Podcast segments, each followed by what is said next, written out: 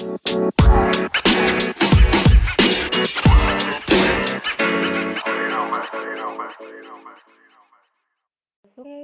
pagi rekan-rekan. Hari ini kita akan ada obrol-obrol santai sama dokter tanpa stigma dalam rangka Hari HIV sedunia. Uh, dan ikutin aja semua acara rangkaian acaranya. Uh, dokter Sandra dan Pak Marcel untuk uh, bergabung. Halo, selamat pagi. Selamat pagi. Lagi. Pagi Tria. Selamat pagi Pak Marcel. Selamat pagi dokter. Kenalan dulu ya.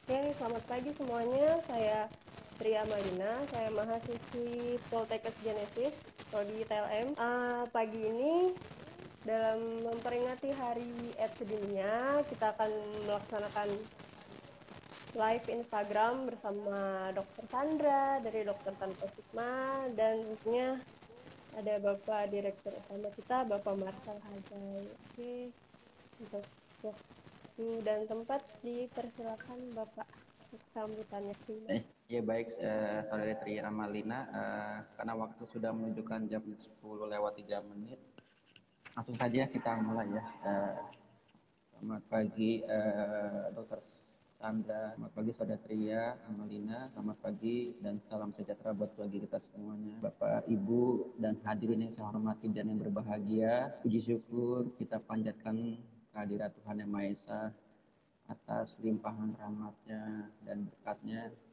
sehingga pada kesempatan yang baik ini kita dapat dipertemukan hati bersama-sama di acara dalam rangka memperingati Hari AIDS Dunia yang jatuh tepat pada tanggal 1 Desember dengan temanya adalah lindungi generasi muda dari bahaya HIV AIDS. Hari ini kita ada akan ada dua sesi. Untuk sesi yang pertama dimulai jam 10 sampai jam 11 waktu Indonesia Barat. Uh, pagi ini yang akan dibawakan oleh narasumber kita yaitu Dr. Sandra Suryadana. Uh, beliau adalah founder Dokter Tanpa Stigma. Dan untuk sesi yang kedua akan dimulai jam 7 malam sampai jam 8 malam. Uh, yang akan dibawakan oleh narasumber kita yaitu Ibu Hagas Budiman, Beliau adalah CEO founder Kulesak. Bapak Ibu segenap hadirin yang saya hormati. E, mengawali sambutan ini saya sungguh merasa berbahagia bisa berkumpul secara online bersama Bapak Ibu sekalian karena acara ini pada hakikatnya merupakan momentum penyandaran akan pentingnya arti sebuah kesehatan sekaligus sebagai wujud komitmen kita untuk merawat dan menjaga diri agar terhindar dari segala penyakit yang setiap saat selalu menyertai kita semua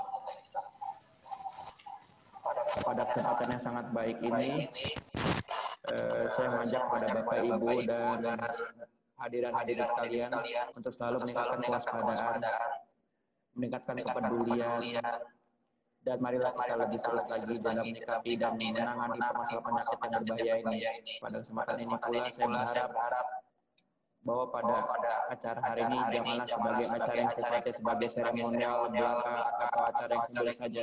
Namun saya harap agar Bapak Ibu sekalian lebih sungguh-sungguh dalam mengikuti acara ini sehingga selesai nanti dan hasil dari acara pada hari ini saya harapkan tepatnya diteruskan kepada lingkungan kita masing-masing. Maka diharapkan ke depannya segenap masyarakat, terutama para generasi penerus termasuk generasi penerus negara Indonesia ini senantiasa menjadi generasi yang terbebas dari bahaya. Akhir kata atas nama Politeknik Kesehatan dan Genesis Medicare mengucapkan terima kasih yang besar-besarnya kepada seluruh peserta yang sudah ikut bergabung dalam acara ini. Semoga acara ini dapat berlangsung dengan lancar dan memberikan manfaat yang sebesar-besarnya. Demikian yang dapat saya sampaikan. Terima kasih atas perhatiannya. Mohon maaf atas segala kekurangannya. Salam sehat. Terima kasih. Bapak Marcel untuk sambutannya. Terima kasih juga Satria. Oke, karena waktu terus berjalan, kita langsung aja ya mulai diskusinya dengan dokter tanpa stigma, dokter Sandra Suryadana. Oke, dokter, selamat pagi. Ya, dokter, ternyata di kesehatan pun tenaga-tenaga medisnya masih banyak yang menstigma. Nah, hari ini kita bakal belajar buat gak menstigma dan mendiskriminasi teman-teman ODA. Oke, uh, kita kan sering dengar ya dok, kalau uh, HIV AIDS, HIV AIDS, padahal HIV dan AIDS itu katanya berbeda ya. Apa sih bedanya antara HIV dan AIDS itu? Iya, ini juga, ya, ini juga um, ya ternyata ya, nggak cuma di masyarakat, cuma di masyarakat. agak-agak salah, agak salah gitu ya. ya. Kan ternyata di beberapa tenaga medis itu juga banyak, banyak uh, kurang paham, kurang gitu. paham gitu. Jadi, Jadi uh, biasanya langsung menggabungkan juga kalau HIV positif itu ya sebetulnya langsung AIDS gitu ya. Uh, padahal sebenarnya uh, padahal sebenarnya berbeda. Karena HIV itu adalah virusnya human immunodeficiency disorder. Ya, jadi ya, ketika jadi dia menginfeksi uh, tubuh seseorang, maka orang itu disebut HIV positif, gitu ya, atau sekarang singkatannya ODHIV. Orang hidup dengan HIV. Uh, tetapi perjalanan virus ini di dalam tubuh manusia cukup panjang. Virus ini sebenarnya sangat unik ya. Dia berbeda dengan, apa infeksi infeksi jadi, Jadi uh, uh, sangat bisa terjadi atau ada masanya ketika virus itu ada di dalam tubuh kita, di dalam tubuh manusia, tetapi belum menimbulkan gejala atau memang tidak menimbulkan gejala terapi. Jadi, jadi um, um, belum tentu, tentu orang dengan HIV positif itu positif AIDS. Karena AIDS adalah uh, suatu kondisi di mana ada kekumpulan gejala. AIDS itu kan singkatannya acquired immunodeficiency syndrome. Jadi ada suatu kekumpulan gejala yang, yang mengarahkan bahwa terjadi penurunan imun tubuh gitu. Nah, artinya kalau misalkan belum ada gejala, tidak ada tidak ada gejala tersebut, berarti kan tidak bisa disebut sebagai jadi AIDS itu adalah fase setelahnya ketika seorang yang HIV positif um, mulai menunjukkan gejala-gejala tertentu gitu. Itu baru disebut AIDS gitu. Nah orang-orang itu sering salah. Salah. Gimana ya? Gimana ya? salah salah. kaprah gitu ya? Gitu ya. Lalu kalau HIV langsung disambungkan dengan AIDS gitu. padahal itu dua kondisi yang berbeda. gitu. ini teman-teman perlu hati-hati. karena karena uh, stigma-nya itu jadi makin besar kalau kita dengan mudahnya digabungkan kedua hal yang berbeda ini gitu. seperti teman-teman uh, audit uh, sudah keberatan kalau mereka disebut dengan ODA. kalau ODA itu kan orang hidup dengan HIV gitu kan. nah, mereka keberatan. karena uh, misalnya HIV nggak AIDS gitu. Saya kondisinya sehat gitu. Jadi mereka lebih lebih senang, lebih bertahan, lebih bertahan dengan seperti DHIV gitu. Karena ya betul mereka hidup dengan tidak uh, tidak tidak gitu. gitu. Oke, jadi di sini kita tahu ya kalau HIV itu berarti virusnya. Kalau AIDS adalah kumpulan dari gejala-gejala yang ditimbulkan dari si virus tersebut. Nah, dari sini kita udah banyak belajar ya, teman-teman. Oke, lanjut. Uh, kalau di kalau di dunia kerja sendiri, dok, banyaknya stigma-stigma yang tentang ODHIV ini kayak gimana sih, dok?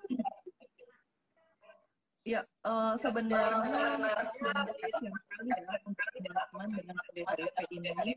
Karena stigmanya begitu besar, um, mereka jadi uh, merasa ini ya, uh, kadang takut, kadang enggan, kadang uh, pokoknya mereka rasa nggak mau untuk uh, mengungkapkan status HIV mereka. Uh, memang itu adalah ya. setiap orang ya. Um, kan itu kerahasiaan pribadi ya perlu juga harus diumbar-umbar gitu kan. tetapi ini kemudian ini kemudian jangan buat mereka karena karena uh, ya itu tadi ya itu tadi. uh, di dunia kerja kalau misalkan kalau kapal itu mengetahui gitu ya bahwa mereka positif, positif itu uh, nanti mereka akan langsung disuruh desain atau atau uh, dimanain gitu ya di kantornya itu dibuat nggak nyaman, dibuat nggak betah sampai akhirnya mereka sendiri yang resign gitu. Padahal uh, itu sebenarnya tuh adalah kerahasiaan pribadi gitu ya. Dan sepanjang HIV itu status HIV-nya itu tidak mempengaruhi kinerja mereka, kan seharusnya tidak ada masalah apa-apa gitu. Misalkan pekerja kantoran kan uh, asalkan dia tetap sehat gitu ya kan tidak ada masalah tidak ada masalah dan seperti biasa biasa tidak ada risiko untuk menunggu tempat temannya juga dia hanya kerja kantoran tapi uh, itulah kira-kira di sering di sama juga uh, ketika mereka berusaha untuk mendapatkan layanan kesehatan. Jadi uh, sangat disayangkannya banyak sekali tenaga medis dan kesehatan medis yang uh, masih selalu menstigma mereka gitu termasuk pasien-pasien um, yang biasanya ada uh, ikut menunggu gitu ya di rumah sakitnya atau di puskesmasnya gitu. Jadi mereka biasanya kalau datang kerja terus mendaftar untuk mau ke poli VCT gitu. atau mau ke poli uh, apa biasanya dinamai juga gitu. ke poli Kamboja. Gitu. Nah itu lalu petugas pendaftarannya udah tahu gitu oh poli Kamboja itu kan uh, poli khusus untuk HIV gitu ya.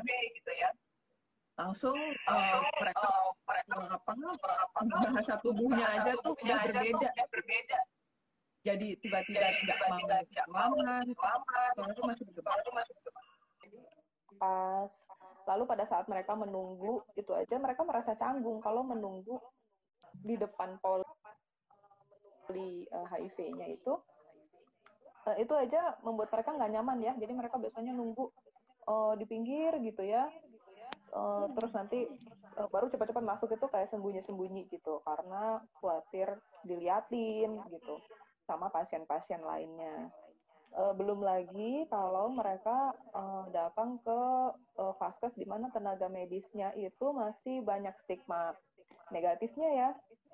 Jadinya uh, kasihan sekali. Ini saya saya ini bukan satu dua kali saya dengar cerita ya.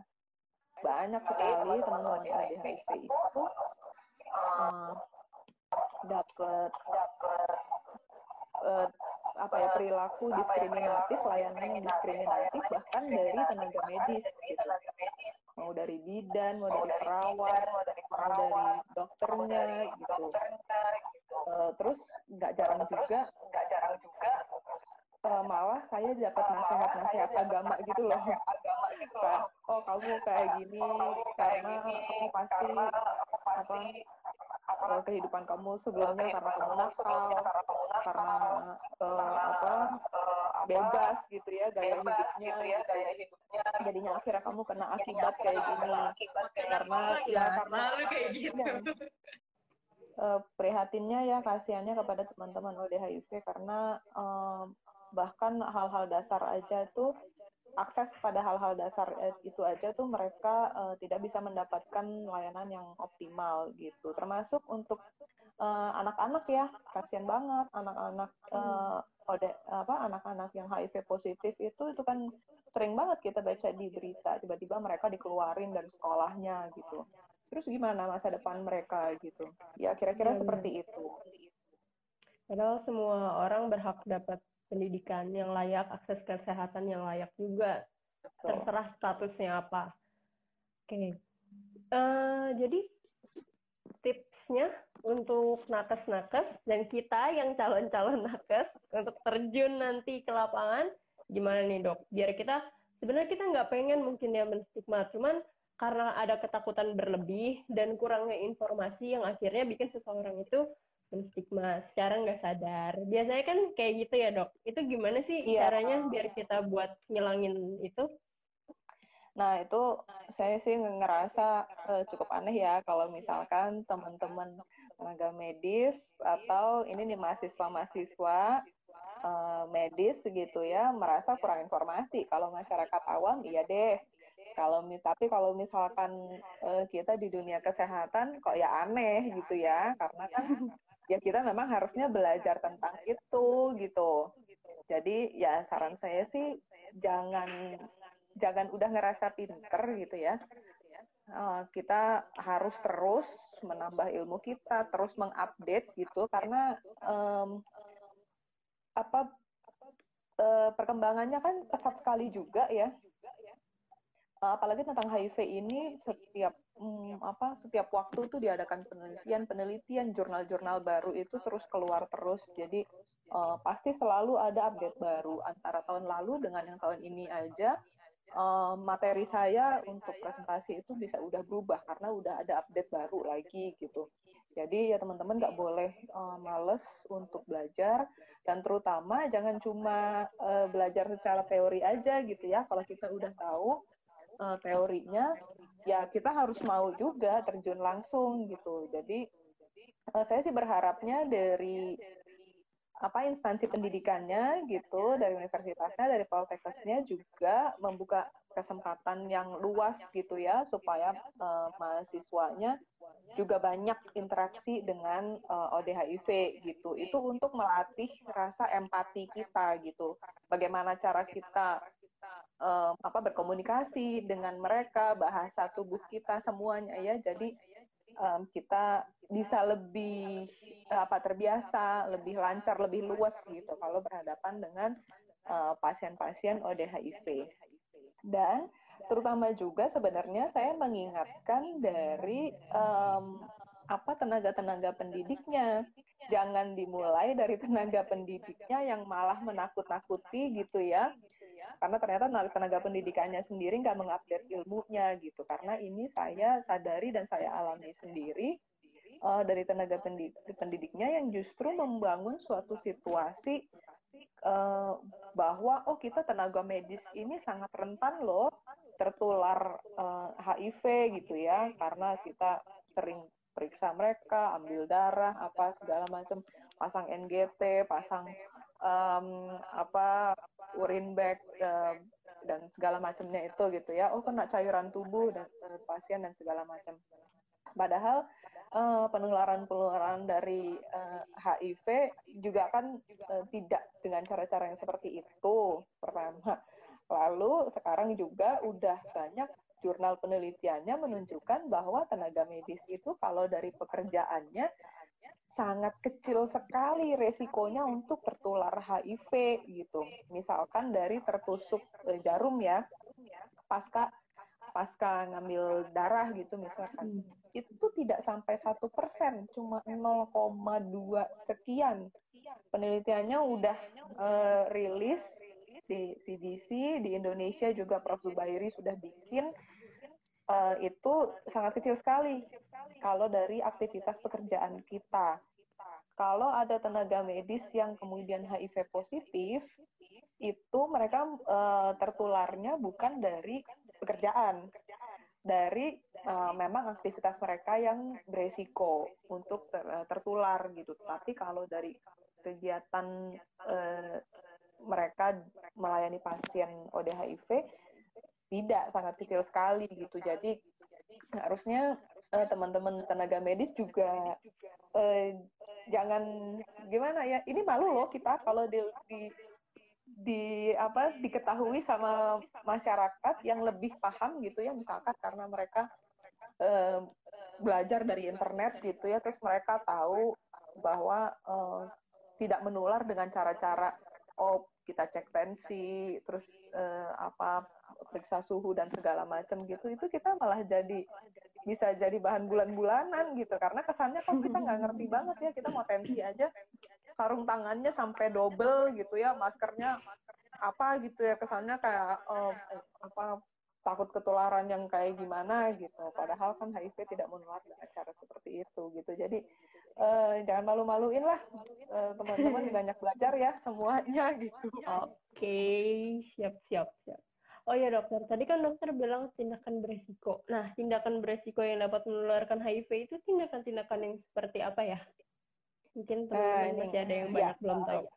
Ya, jadi uh, penularan HIV itu HIV itu kan pada prinsipnya uh, bisa tertular dari cairan tubuh tertentu dari ODHIV eh, yang masuk melalui pembuluh darah atau jaringan mukosa atau eh, lapisan kulit yang tidak utuh gitu ya eh, dari orang yang HIV negatif gitu. Nah cairan tubuhnya apa aja yang eh, ditemukan HIV itu darah, cairan sperma, cairan uh, atau lendir vagina, cairan dan lendir anorektal ya di anus dan uh, rektum sama ASI. Uh, jadi kalau teman-teman sudah tahu prinsip itu, uh, ya kita uh, bisa tahu juga bahwa cara penularannya antara lain yang pertama dari ibu ke anak. Itu dari proses kehamilannya ya karena HIV itu tembus barrier plasenta ya. Lalu um, apa dari pas pada saat proses persalinan uh, baik vaginal maupun sesar ya. Meskipun uh, lebih besar kalau uh, resikonya dari vaginal ya karena kan tadi itu ya dia ada di lendir vagina dan kalau bayi keluar itu kan ya jaringan mukosanya kan terpapar semua ya mulut kelopak mata semua itu terpapar lendir vaginanya jadi itu uh, bisa juga dari situ. Lalu pada saat di ibunya menyusui karena dia ada di ASI lalu bisa juga dengan uh, ini jarum suntik bekas atau berbagi jarum suntik. Uh, ini terutama untuk teman-teman uh, yang pengguna nafsa suntik. Itu besar resikonya di situ. Jarum suntiknya bukan jarum suntik yang pada saat kita ambil darah itu ya. Jadi ini adalah jarum suntik. Itu yang besar resikonya tertular dari jarum suntik bekas adalah untuk teman-teman yang pengguna nafsa suntik. Karena mereka ber sering berbagi jarum. Lalu uh, yang terakhir ya dari aktivitas seksual. Ya baik anal, vaginal maupun oral. Karena itu kan jaringan mukosa semua ya di mana di vagina, sperma, dan anorektal itu lendirnya ditemukan uh, bisa ditemukan HIV-nya. Yang paling tinggi resikonya kalau aktivitas seksualnya anal. Ini makanya kenapa uh, tinggi stigmanya di teman-teman uh, homoseksual. Karena anggapannya uh, oh yang melakukan aktivitas seksual yang anal itu ya hanya yang homoseksual gitu ya. Padahal ini adalah satu konsep yang salah karena hubungan aktif uh, hubungan seksual yang anal juga tetap dilakukan sama yang heteroseksual kok gitu. Uh, dan yang apa hubungan seksual yang vaginal dan oral kan juga tetap bisa menularkan gitu. Meskipun memang resikonya tidak sebesar anal. Nah uh, ada update lagi.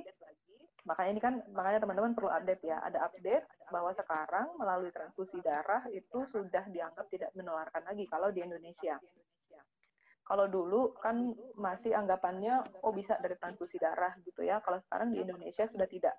Karena uh, sekarang teknologi untuk deteksi untuk screening HIV di PMI uh, bagi donor darah itu itu sudah sangat baik sekali. Sudah menggunakan uh, pemeriksaan yang sangat sensitif, sensitivitasnya 98% ya. Jadi uh, pasti ketemu kalau ada HIV dan itu pasti darahnya ditolak.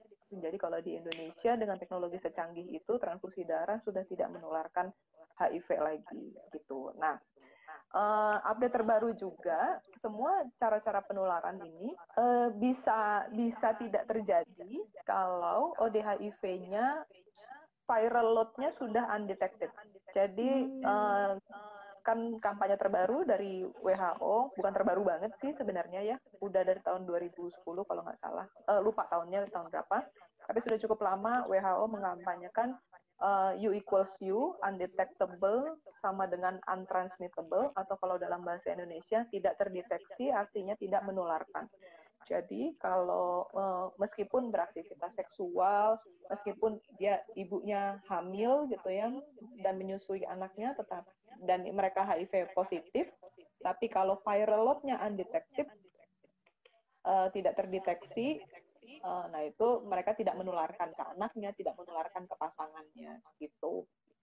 Dan itu uh, viral load yang undetected itu bisa didapatkan uh, kalau uh, ODHIV-nya rutin mengkonsumsi ARV-nya. Hmm. ARV itu singkatan dari antiretroviral, teman-teman. Jadi itu, hmm, itu regimen bukan, obatnya ya. Uh, ya, bukan obat bukan obat untuk nyembuhin virusnya, tapi obat untuk mengendalikan si virusnya biar dia nggak makin bikin kerusakan di badan. Kayak gitu. Iya. Oke, dok. Nih, sekarang ada question dari teman-teman yang dokter tinggal jawab ini mitos atau fakta. Kalaupun ini Oke. mitos, dokternya cuma dikasih tahu ya. Oke.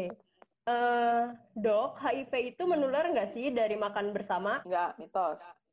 Mitos. Oke. HIV ber- eh, HIV menular dari bertukar pakaian. Enggak, mitos juga. Mitos juga. HIV tertular dari penggunaan alat mandi yang sama. Enggak. Mitos. Oke. Mitos. HIV menular dari jarum suntik bekas. Iya, betul. Tadi kan aku udah jelasin fakta itu. Ya, jarum suntik bekas yang dipakai sama eh, nafsa suntik yang Ada- dibagi-bagi. Iya.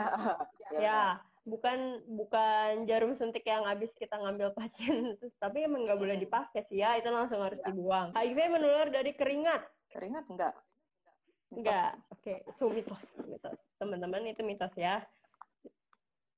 HIV menular dari ibu ke anaknya. Iya, bisa. Bisa. Eh, pakai masker double dan handscoon double untuk memeriksa pas- pasien HIV agar tidak tertular. Wah, ini stigma sekali. Jangan sampai ya Nggak boleh teman-teman nih ya. kayak gini. Itu itu selain aneh, bodoh dan malu-maluin.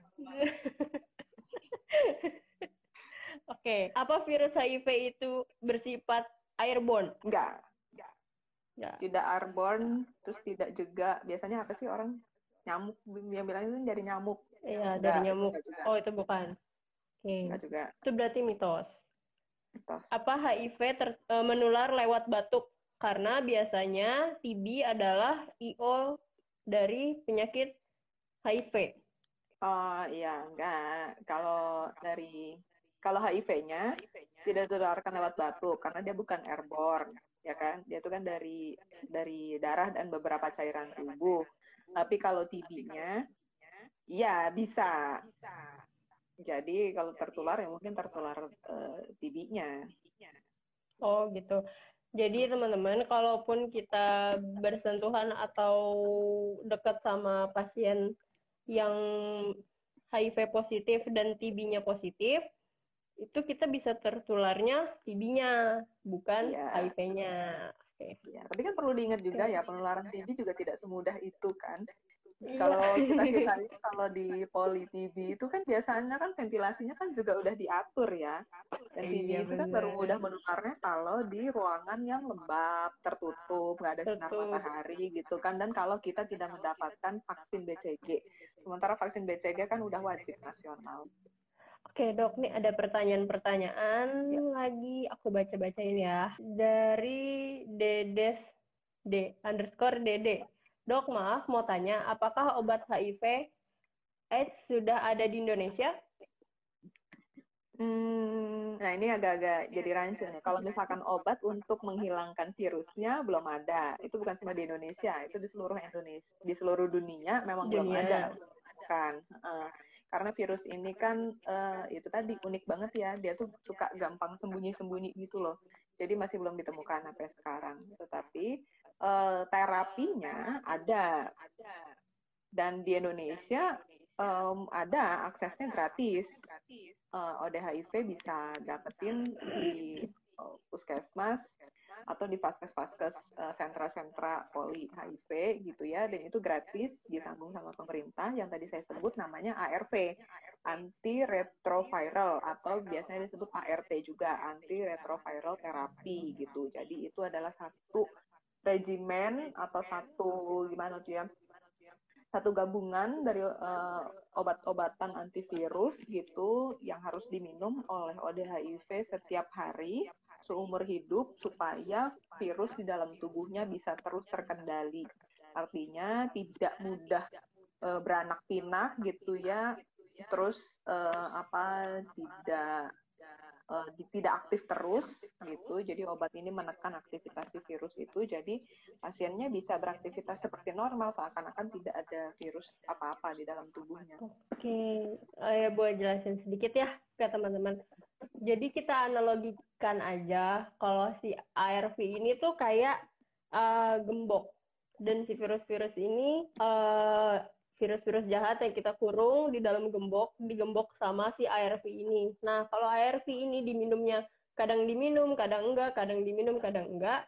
Nah, namanya kunci, terus dibuka tutup, buka tutup, buka tutup, buka tutup, akhirnya dia bakal dol.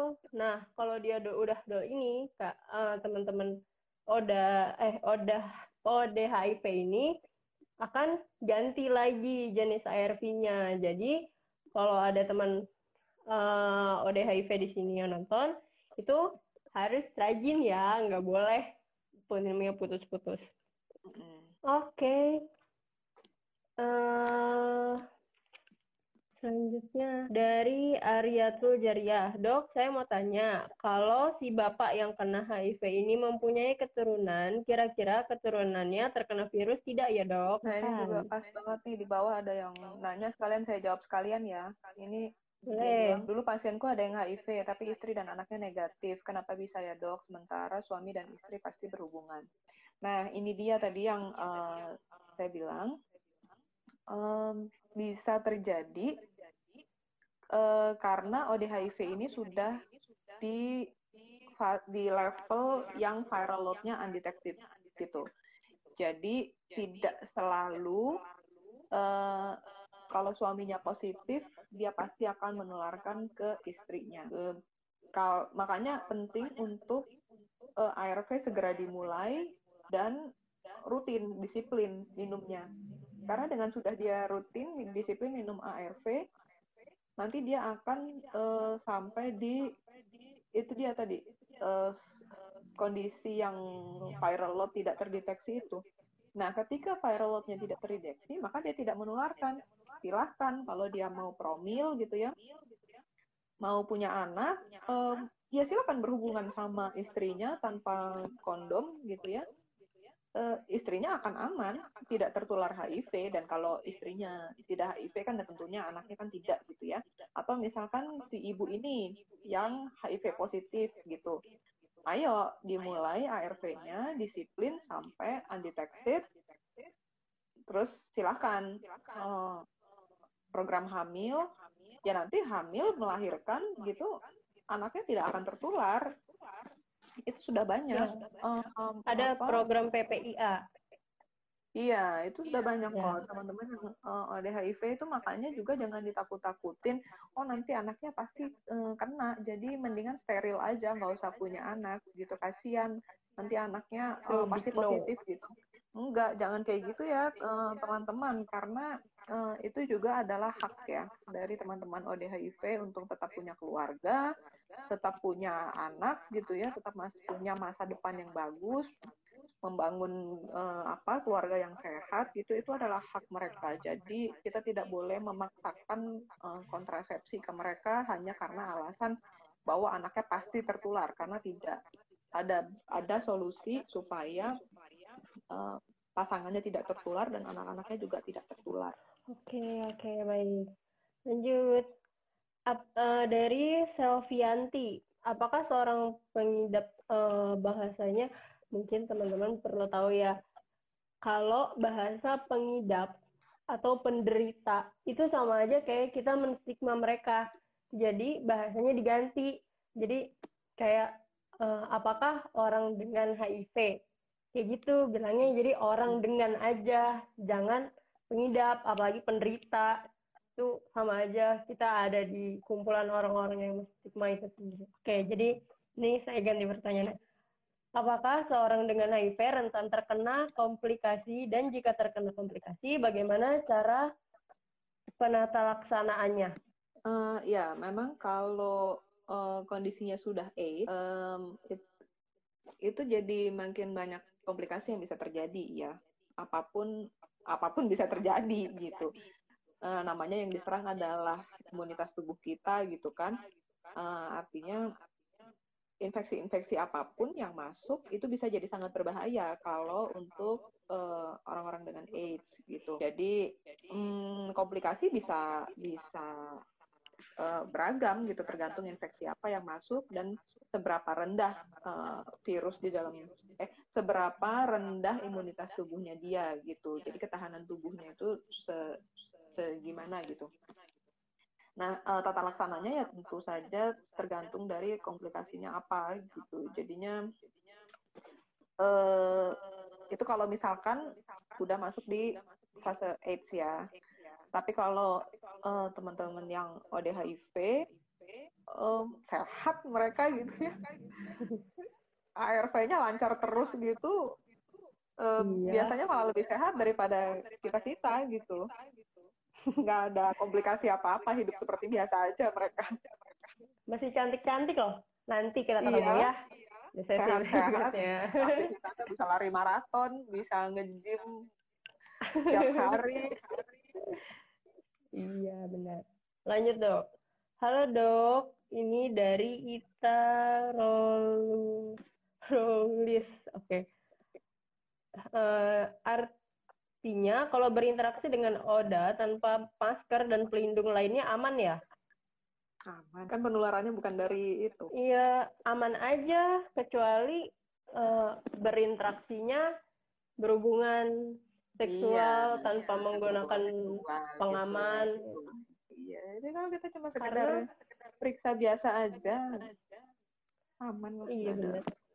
Penularannya. Karena kan kebetulan saya pernah kerja di LSM uh, Kuldesak yang nanti season 2 itu saya ya makan bareng, tidur bareng, pelukan, bercanda, ngobrol. Itu enggak sampai sekarang. Sampai tadi pagi saya screening HIV itu masih negatif alhamdulillah. Iya jadinya nggak perlu terlalu menstigma segala macam. Itu yang kalau di rumah di rumah gitu begitu mereka ketahuan ODHIV gitu langsung dipisah gitu tempat tidurnya langsung dipisah alat makannya langsung dipisah alat mandinya semua langsung dipisahin semua gitu. Padahal penularannya tuh bukan dari itu gitu ya. Kasihan hmm. banget kalau mereka langsung dikucilkan kayak gitu gitu. Iya benar. Nih dok, ada pertanyaan lagi. Dari Ana Maudi, berarti ARV tidak ada efek samping ya dok? Oh ada dong, ada. ARV itu uh, regimen obat ya, jadi beberapa gabungan dari beberapa obat. Dan tentu saja ini uh, ada efek-efek sampingnya gitu ya. Uh, jadi makanya meskipun teman-teman sudah ARV, tetap aja kan harus rutin kontrol. Salah satunya ya ini untuk ngecek uh, efek sampingnya, untuk ngecek apakah regimen obatnya masih tepat atau enggak, atau sudah perlu diganti. Dan memang selain itu untuk ngambil obatnya, karena obatnya harus diminum setiap hari seumur hidup, kan nggak mungkin dikasih langsung satu kardus gitu ya. Kan biasanya itu kan dikasih sebulan gitu, atau maksimal kalau tempat tinggalnya jauh, biasanya dikasih tiga bulan gitu. Jadi mereka tetap harus kontrol ke dokternya ada efek sampingnya beragam dari yang ringan cuma sekedar kayak mual gitu ya. Karena langsung dapat obat uh, cukup banyak gitu. Uh, terus biasanya sih teman-teman ODIF itu yang mereka jadi terganggu itu gatal. Rasanya gatal atau tiba-tiba jadi ada merah-merah gitu kayak ruam-ruam di kulitnya gitu. Bisa terjadi bisa juga tidak gitu Uh, nah untuk yang sudah agak lama itu uh, nanti kulitnya. Mereka banyak yang mengeluhkan kulitnya menghitam. Itu uh, tapi lalu ada efek samping yang uh, apa yang lain-lain juga. Misalkan apa ya yang paling sering dikeluhkan sih itu sih. Oke, sama ada sih teman-teman ODHIV tuh yang pertama-tama langsung kayak halusinasi gitu. Hmm. Itu tergantung hmm. jenis-jenis ARV-nya sih banyak iya, kan. Makanya itu kan harus dikonsultasikan terus rutin sama dokternya, ya kan? Eh dok, ada lagi yang tanya. Uh, sebentar ya. Dok, apakah dari gigitan nyamuk bisa menularkan virus HIV? Dari Dewi Risma 068. Enggak, tadi kan udah enggak. Karena nyamuk tidak tidak menjadi transmitter ya. Iya, karena DNA kita dan nyamuk itu berbeda. DNA-nya beda. Jadi kalau nyamuk menghisap darahnya uh, teman-teman OD HIV, ya itu nyamuk juga nggak akan jadi HIV positif gitu. jadi kalau dia terus ngisep darah kita ya juga nggak akan menularkan virus HIV-nya karena nggak bisa berkembang di situ mati benar ada lagi uh, dok mau nanya apakah pasangan sejenis dan pengguna narkoba memiliki resiko terkena virus HIV? Hmm ya pengguna narkobanya narkoba yang suntik ya khususnya teman-teman. Uh, nah kalau pasangan sesama jenis memang mereka uh, lebih tinggi resikonya. Karena pasangan sesama jenisnya itu terutama yang laki berhubungan seks dengan laki-laki ya. Karena cara mereka berhubungan seks kan pasti salah satunya dari anal dan anal itu yang paling besar paling tinggi resikonya. Tapi bukan berarti pasangan yang hetero resikonya rendah. Enggak. Karena uh, ini teman-teman boleh cek di data di Kemenkes tahun 2000 akhir 2019 ya. Itu 70% itu heteroseksual yang uh, HIV positif gitu. Justru yang homoseksual hanya 30%. 70% itu uh, heteroseksual uh, tetap saja tinggi resikonya kalau paling paling tinggi mereka melakukan aktivitas seksualnya yang anal uh, ya atau yang vaginal aja. Dan terutama biasanya uh, kayak gitu dari salah satunya jajan iya betul betul jadi hetero. lebih besar uh, jadi besar resikonya kalau berganti-ganti uh, pasangan jadi bukan hanya karena orientasi seksual ya tapi lebih pada aktivitas seksualnya seperti apa bahkan eh, kemarin itu terakhir angkanya itu cukup tinggi naik di ibu rumah tangga. Benar. Uh -uh, ini kan uh, jadi uh, kasihan sekali ya ini ibu rumah tangga nih nggak tahu apa-apa gitu tapi karena suaminya jajan ke sana sini nggak pakai pengaman terus dia menularkan kepada istrinya yang di rumah yang bukan hanya dia uh, heteroseksual tapi dia nggak tahu apa-apa gitu. Kerjanya di rumah cuma uh, ngurus rumah kerja seperti biasa ngurus anak gitu. Tapi dia uh, tertular padahal dia tidak ada aktivitas seksual yang um, apa beresiko gitu. Tapi dia tetap tertular juga karena pasangannya yang melakukan aktivitas seksual beresiko. Jadi lebih kepada aktivitas uh, seksualnya daripada orientasi seksualnya sih. Itu teman-teman harus hati-hati ya. Kayak gitu. Nggak jadi nggak semua orang yang punya ah, apa gimana ya nggak semua orang dengan yang berhubungan dengan sesama jenis itu pasti kena HIV dan nggak nggak menutup kemungkinan juga pasangan yang heteroseksual itu nggak kena. Jadi semuanya sama aja kak uh, yang penting kalian jangan ngelakuin tindakan-tindakan beresiko yang tadi dibilangin sama dokternya. Apa tuh mengapa naik ya ibu rumah tangga? Karena suaminya jajan ya dari Vita Puca iya jadi memang di ibu-ibu rumah tangga itu penularannya pasti dari suaminya. Nggak mungkin dari teflon juga bu. Tenang. Jadi ya kasihannya kan kasihannya kan seperti itu ya. Ya oke nih dok satu pertanyaan lagi. Karena waktu kita juga sudah hampir selesai ternyata dok mau tanya apakah pasangan eh mana nih bukan bukan bukan ya, tadi mana ya oh itu tuh dokter mau tanya untuk bayi dan anak juga dapat terapi ARV atau tunggu dewasa dulu? Hmm, ya, jadi rekomendasi dari WHO uh, itu terapi HRV harus segera diberikan ya. Uh, begitu dia diketahui HIV positif. Ini udah update lagi teman-teman, makanya teman-teman harus update terus ilmunya karena berkembang terus. Kalau dulu pemberian ARV baru dimulai kalau dia CD4-nya rendah, di bawah 200, itu baru start ARV-nya. Tapi sekarang udah ganti rekomendasinya. ARV dimulai tanpa mempertimbangkan jumlah CD4-nya. Jadi langsung sesegera mungkin, termasuk untuk bayi dan anak-anak ya. Bahkan kalau untuk ibu yang hamil melahirkan dan dia diketahui belum mulai ARV-nya, artinya resikonya masih uh, masih besar ya atau dia baru banget mulai ARV-nya, jadi uh, viral viral load-nya masih tinggi dan resikonya dia besar untuk menularkan ke anaknya. Itu anaknya langsung di eh maksudnya langsung di start apa langsung di start ARV-nya tanpa nunggu hasil darah si anaknya itu keluar dulu gitu. Uh, uh, jadi udah jadi anak itu istilahnya udah dapet apa tuh post exposure uh, profilaksis ya. Jadi udah dapat profilaksis duluan gitu. Nanti baru hasil keluar baru di disesuaikan lagi uh, regimen ARV-nya. Tapi tidak menunggu dewasa ya.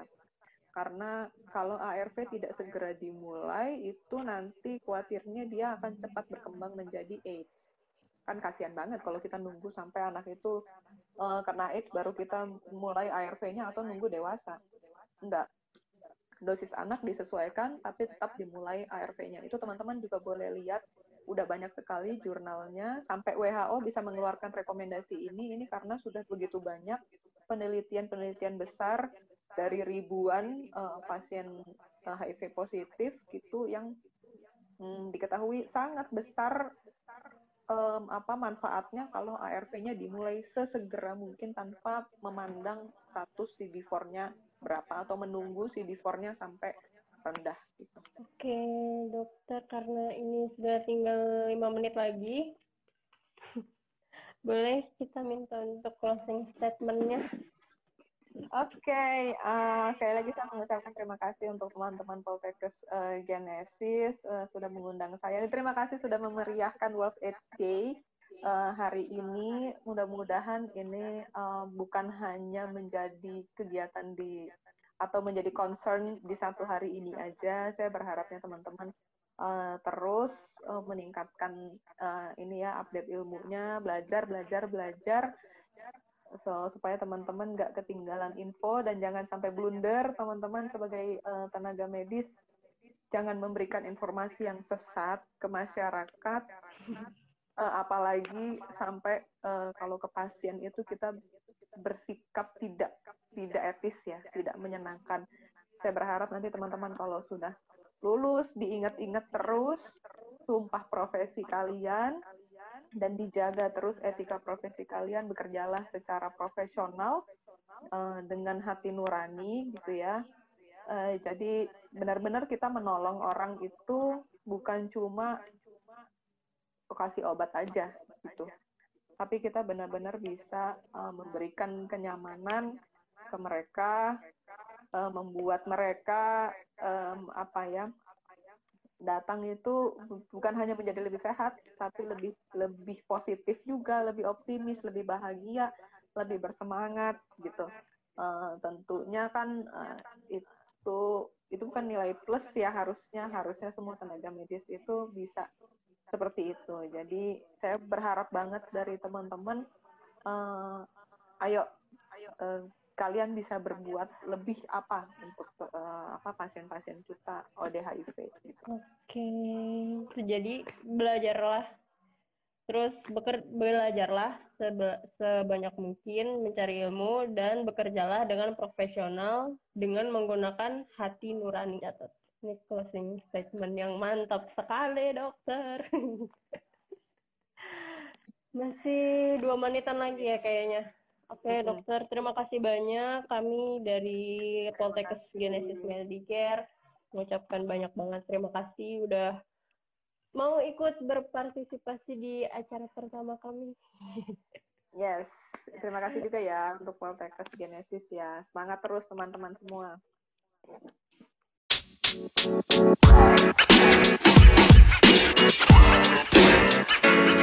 know, man. You